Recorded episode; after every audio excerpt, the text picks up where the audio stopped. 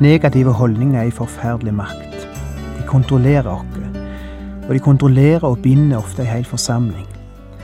Og problemet er at det ofte er så vanskelig å argumentere imot. Fordi det kommer ofte ikke ut som saklige argument, men som hint. Og ofte ikke det engang. Ofte bare ved en holdning. Kroppsholdning. Ansiktsholdning.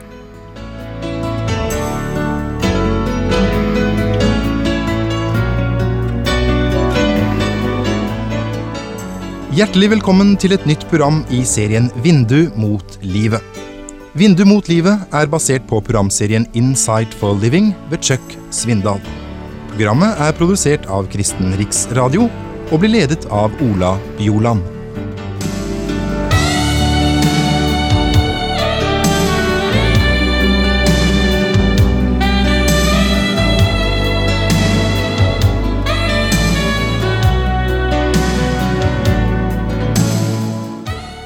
Vi leser ifra Markus 2, fra vers 1. Etter en tid kom Jesus igjen til Kapernaum, og det ble kjent at han var hjemme. De samlet seg så mange mennesker at de ikke fikk plass, heller ikke utenfor døren. Han forkynte ordet for dem. Da kom de til ham med en som var lam. Han ble båret av fire mann. Men fordi de ikke kunne komme fram til ham på grunn av trengselen, brøt de opp taket over det sted der Jesus var. Da de hadde laget en åpning, firte de ned båren som det lamme lå på. Da Jesus så deres tro, sa han til den lamme, Sønn, dine synder er tilgitt. En fantastisk historie. Det er husmøte, og rommet er pakka med folk, og Jesus står og preiker. Og hvis noen hadde kikka ut vinduet, ville de sett fire menn som kom bærende på ei båre, der det lå en mann oppå. I dag ville vi ha brukt rullestol, men på den tida brukte de båre til å frakte en som ikke kunne gå. En bibelfortolker sier dette om mannen. Det var en ynkelig og ulykkelig mann. Sykdommen som plaget ham, førte til tap av krefter og bevegelsesmulighet, og er vanligvis forårsaket av at musklene ikke vil fungere, på grunn av en skade i det motoriske senter i hjernen eller ryggmargen. Én ting er iallfall sikkert, Pasienten var ikke i stand til å bevege seg. Derfor er det at han ligger på ei seng, eller båre, og fire venner bærer han til dette husmøtet. Og de ser etter en måte å få han inn på, men der er pakka med folk, heilt til utgangsdøra. Kanskje de òg kikker inn i vinduet og ser at det er umulig å bane seg vei fram til Jesus som står der og preiker. På den tida var husa bygd litt annerledes enn i dag.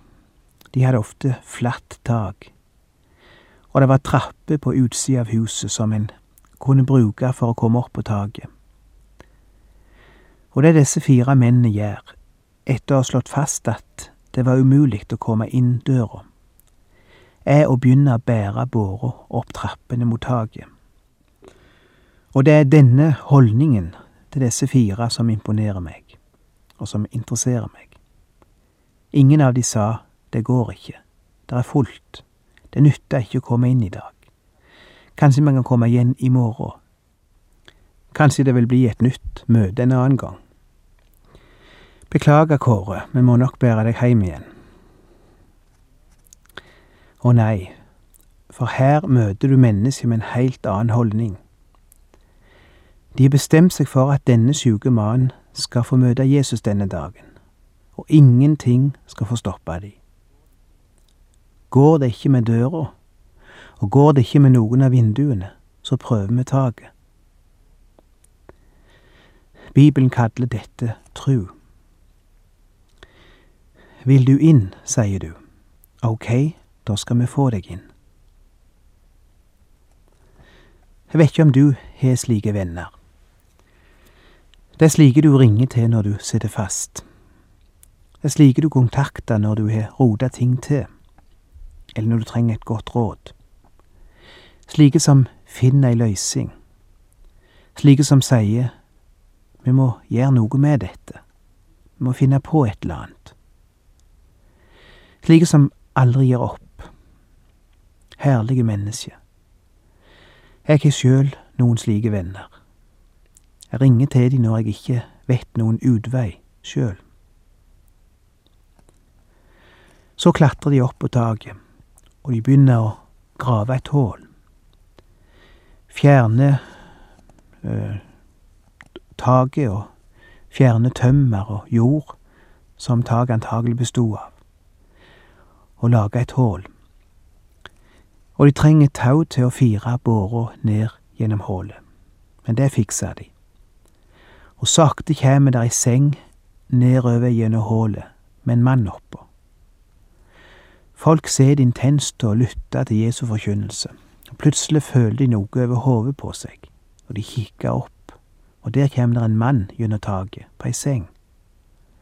Og han lander rett framfor Jesus sine føtter. Og Jesus kasta ikke bort tida. Da Jesus så deres tro, sa han til den lamme, Sønn, dine synder er tilgitt. Fordi folk på den tida så en forbindelse mellom en slik sykdom og synd. At det var ei spesiell synd eller en spesiell livsstil som hadde forårsaka sykdommen. Du husker disiplene en gang spurte Jesus da de så en blinde. Hvem av de har synda, han sjøl eller foreldrene hans, siden han er født blind? Det følger skam og ydmykelse med en slik sykdom. Da Jesus så deres tro, står der. Men du kan jo ikke sjå tru. Tru er usynlig. Men du kan sjå de handlingene som springer ut av tru. Det Jesus så, var at det kom en mann ned gjennom hullet i taket, liggende på ei seng. Han så fire håpefulle ansikt stirre ned gjennom, gjennom hullet, og åtte hender som halt rundt tauet så de var hvite i knoklene, og firte sengen forsiktig ned til gulvet framfor Jesus. Ikke et ord ble sagt, men det var nok for Jesus. Han så tru og forventninger i deres handling. Ingen ville ha gjort noe slikt uten at de hadde tru på det de gjorde. En fantastisk historie om tru. Eller du kan gjerne kalle det om holdning. Det var den ene gruppa. Men så er det òg ei annen gruppe her, som har den motsatte holdning. Der sitter nemlig noen skriftlærde i forsamlingen. Se på vers fem. Men noen skriftlærde som satt der, tenkte med seg selv, hvordan kan han si slikt? Han spotta Gud. Hvem andre enn Gud kan tilgi synder? Jesus merket i sin ånd at de tenkte dette, og han sa til dem, Hvorfor har dere slike tanker? De tenkte med seg selv, står der. De sier det ikke. De står ikke opp og protesterer. Negative holdninger er noe som er inne igjen. Det er ikke alltid de kommer ut i klare ord, men du kan føle holdningen. Du kan sjå det på ansiktet deres, på måten de ser det på, kanskje. Antagelig sitter disse mennene med armene i kross, stive og skeptiske. Syns jeg ser de for meg. De viser ikke ei mine. De er som forsteina i ansiktet. Men heile kroppsspråket røper hva de tenker inni seg, og hva slags holdning de har. Og det de tenker, er hvem tror han at han er? Står der og deler ut syndens forlatelse i hytt og vær. Hvem tror han at han er? Tror han at han er Gud? Hvem som helst kan stå fram og si dine synder er deg forlatt. Helbred han Helle. Gjør han frisk. Ikke bare sleng ut lettvinte løfter om syndens forlatelse. Negative holdninger har ei forferdelig makt. De kontrollerer oss, og de kontrollerer og binder ofte ei hel forsamling. Det er forferdelig å kjempe imot negativisme. Det er så tungt, det er så slitsomt. Og problemet er det er ofte så vanskelig å argumentere imot. Fordi det kommer ofte ikke ut som saklige argument, men som hint, og ofte ikke det engang. Ofte bare ved holdning, kroppsholdning, ansiktsholdning. Men Jesus tar det ved rota. Han bebreider de ikke for noe de gjør, men han bebreider de for noe de tenker.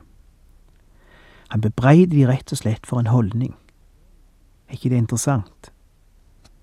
For det er noe vi ikke er vant med, blir satt under lupa. Vi tårner imot synd av forskjellig slag, imot gjerninger, mot handlinger som er syndige. Men ofte, hvor ofte hører du folk snakke om holdninger som er syndige? De får leve fritt. De går ofte fri. Bare en ikke gjør galne handlinger, så kan en godt sigge der og være så negativ som en vil, med et ansikt og en holdning som er så iskaldt at den dreper ethvert liv og ethvert initiativ. Men Jesus går ikke inn i argumentasjon med dem. Han bare konstaterer at de har en negativ holdning, og så går han til handling. Han lar seg ikke stoppe av negative mennesker. Hva er lettest å si til den lamme, enten dine synder er tilgitt, eller stå opp, ta båren din og gå? Men for at dere skal vite at menneskesønnen har makt på jord til å tilgi synder. Og nå vender han seg til den lamme. Jeg sier deg, stå opp, ta båren din og gå hjem. Og mannen reiste seg, tok straks båren og gikk ut rett foran øynene på dem, så alle ble ute av seg selv av undring og priste Gud og sa, noe slikt har vi aldri sett. og idet den helbreda mannen sakte reiste seg og Taus begynte å rulle sammen båra og begynte å gå imot utgangen, trakk de forbausa tilskuerne seg til side og gjorde vei for han gjennom folkemengden. De fulgte han med tause og forbausa øyne. Og vet du hva? Plutselig ble de konfrontert med sine holdninger. De var stilt vegg til vegg med sine egne negative holdninger. De ble avslørt. Og likevel, på tross av dette sterke møtet, ser det ut for at en del av de har valgt å fortsette å være negative. For de er en del av de menneskene som seinere nagla han til korset. Ikke engang dette fantastiske under utført av Jesus klarte å forandre deres holdninger iallfall en del av de. Du ser, ingen kan forandre din holdning. Ingen ytre omstendigheter kan bestemme hvilken holdning du inntar. Det er kun du sjøl som bestemmer. Ikke engang Gud kan bestemme for deg her. Hvis han hadde kunnet, så hadde han tvunget alle mennesker til å velge hans side, til å velge tru i plassen for vantru men han kan ikke velge for noen. Og hvis folk velger å fortsette å være vantro, eller fortsette å være negative, eller fortsette å være skeptiske, kan ingen hindre de det. Og hvis du skylder din negative holdning på ting som hendte deg i livet, så er ikke det sant. Du har sjøl valgt hvilken holdning du vil ha. Det kommer innenifra. Ingen kan si det var livet og hendelsene som gjorde meg til det mennesket jeg blei. Ja, livet og hendelsene kan påvirke oss og prege oss, Men likevel, det er først og fremst vårt eget valg som bestemmer. Hvordan vi velger å forholde oss til det som skjer. Det er derfor folk reagerer så forskjellig på de samme ting. Det er derfor to men nokså like livssituasjon kan velge to vidt forskjellige reaksjonsmønstre i forhold til det som skjedde. Og jeg vil gjerne si til dere som var med og bar båra, som var med og bar den lame til Jesus.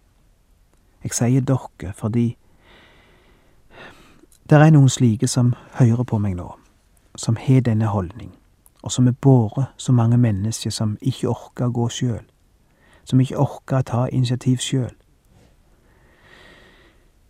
Det er noen som hører på meg nå, av slike som ikke lar seg stoppe av at det er fullt der inne, at dørene er låst.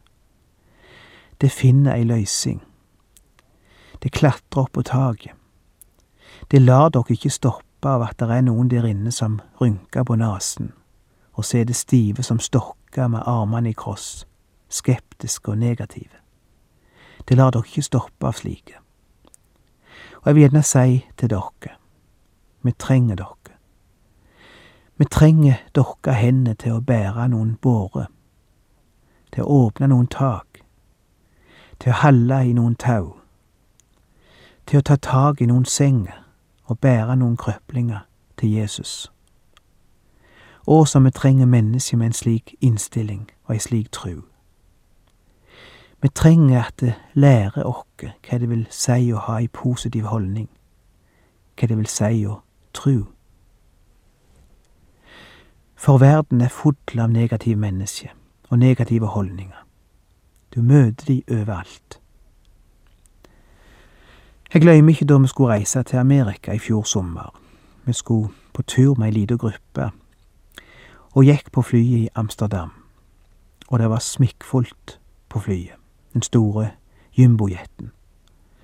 Og det var varmt inne i flyet, og masse mennesker som sto og skulle finne setene sine selvsagt litt forvirring og litt stress, fordi en del passasjerer gjerne ville bytte sete for å få sigge sammen med noen de, kjente, noen de kjente. De skulle jo sigge på flyet i ni timer sammenhengende. Og da er det kjekt å få sigge ved sida av ektefellen sin, eller en annen person en kjenner. Og jeg skulle hjelpe noen i gruppa vår til å få sigge sammen. Og flyvertinna var grei og ville prøve å hjelpe meg. Og hun henvendte seg blant annet til en mann som hadde fått plass ved sida av en av våre, en i vår gruppe. Og hun spurte han vennlig om han kunne tenke seg å flygge ifra CDD til sete E. Og han kikket på billetten sin og sa, men dette er jo mitt sete. Jeg har jo bestilt denne plassen og betalt for den. Ja, selvfølgelig, det er din plass. Men vi lurte bare på om du kunne tenke deg å bytte med den personen, slik at de to kunne få sitte ved siden av hverandre. Du skal få en akkurat like plass litt lenger framme. Men da skulle du hørt på oppstyr. Han vart så sint. Dette er min plass, dette er mitt nummer, og dette nummeret har jeg betalt for, jeg bytter ikke med noen. Jeg har ikke rett til mitt eget sete. Jeg vil ha min plass. Jeg vil ikke ha noen andre sitt sete. Jeg vil sigge her, og ingen andre plasser. Jeg gir blaffen i om noen vil sigge ved sida av hverandre. Det er ikke mitt problem. Det får de ordne opp i sjøl. Jeg fløt ikke en millimeter. Jeg hadde lyst til å kverke fyren. Jeg begriper ikke hvordan det går an å ha en slik holdning. Men det er slik du opplever hele tida. Du møter folk som er villige til å kjempe det siste blodstråpet for å få sete D i plassen for sete E. Jeg trodde at mannen skulle få et hjerteinfarkt, han var blodrød i ansiktet. Han pusta og freste, så jeg tenkte det rett før han segna om, bare for å få beholde setet med bokstaven D i plassen for bokstaven E. Og jeg måtte tenke på alle gangene jeg sjøl har oppført meg som om verden holdt på å gå unna, bare fordi jeg ikke fikk sete det. eller lignende situasjoner. Hvor lett vi har for å henge oss opp i bagateller. Hvor lett vi har for å stirre på hva nummer setet har, i plassen for å ta det vi får, og nyte turen. Jeg lurer på hva slags tur han egentlig, egentlig fikk, denne mannen, der han satt fastspent til setet det, sint og sur og liten. Jeg skal si dere én ting. Ditt valg av holdning og innstilling vil komme til å revolusjonere livet ditt. Hvis du vil la Jesus komme inn og sette deg fri ifra smålighet og negativisme. Han setter fri denne lamme mannen, midt framfor øynene på skeptikerne. Men det var noen der inne som ikke ville bli fri. De ville være negative. Kanskje det som kan løse deg, rett og slett er et møte med Jesus. Et nytt møte med Han, kanskje. Han sitter ikke der med folde armer og stirrer på deg med jubelrynke i ansiktet. Har du noen gang møtt Jesus slik? Han kunne visst ha hatt all grunn til det. Han kunne visst hatt all grunn til å være skeptisk. Han har visst gitt deg nok av sjanser tidligere. Og du har vel ikke akkurat tatt vare på disse sjansene du fikk, alltid. Han kunne sagt det nytter ikke med han. Det blir aldri noe med han. Kanskje han er rett, men han velger å se bort ifra den muligheten. Han handler med deg som om han hadde tro på deg, og det har han. Fordi det er kun opp til deg om du vil velge å tro. Om du vil velge livets vei i plassen for dødens vei. Det er Han som gir deg den, men det er du som må velge den og gå på den.